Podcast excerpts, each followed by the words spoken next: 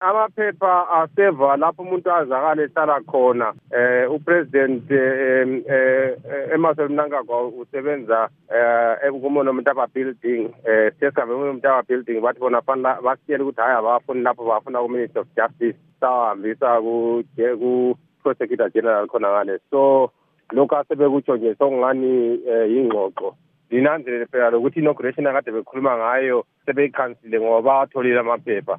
Angazi ukuthi sebezamani bethuke nje ukuthi upresident Nelson Chamisa ule ule ule evidence eneleyo ezenza ukuthi eh okwachiyo Justice Jigumba eh kwesulwe yes siyabona njalo kulamanye amagwetha athi mm, lolu daba lungani lungahlupha? Ikakhulu nxa sokubuya emaphepheni la ukuthi lingafaka endaweni engasiyo. So ke nxa kungenzakala njalo lizathini angizwanga lapho ifoni ingane yakhotshela oye um engikutshoyo ukuthi-ke kulamagqwetha athi wona abone ngazani um udaba lolu enxe lungalahlwa ngenxa yokuthi amaphepha ahanjiswanga njalo ngemfanelo. So-ke kungenzakala khonokho lizathini um dokotela?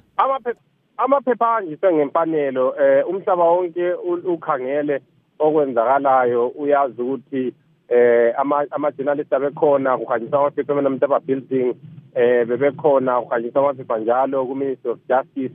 Ngalolo hlobo angazi ukuthi baza bacabanga ukuthi baza eh wenza bazathabisa abantu njalo bazakholwa ngubani eh ukuthi eh amaphepha awahanyiswanga ngoba kwenziwe egcekeni umuntu onke ekhangela amaphepha anikwe amaphepha anikwe u-sheriff we-high court eh so ahanjiswe kathathu.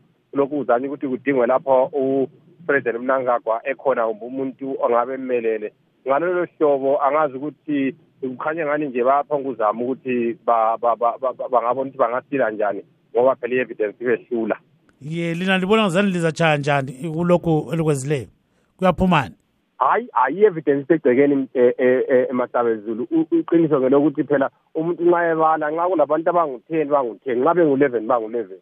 Manje ujustice jikumba wathi abantu bangu-eleven uthe esekhipha amaphepha amaphepha kade no abantu kade bengu-ten khonokho kumgceke phela ukuthi ubekhuluma into ayithandayo nje kodwa engakhuluma into eliqiniso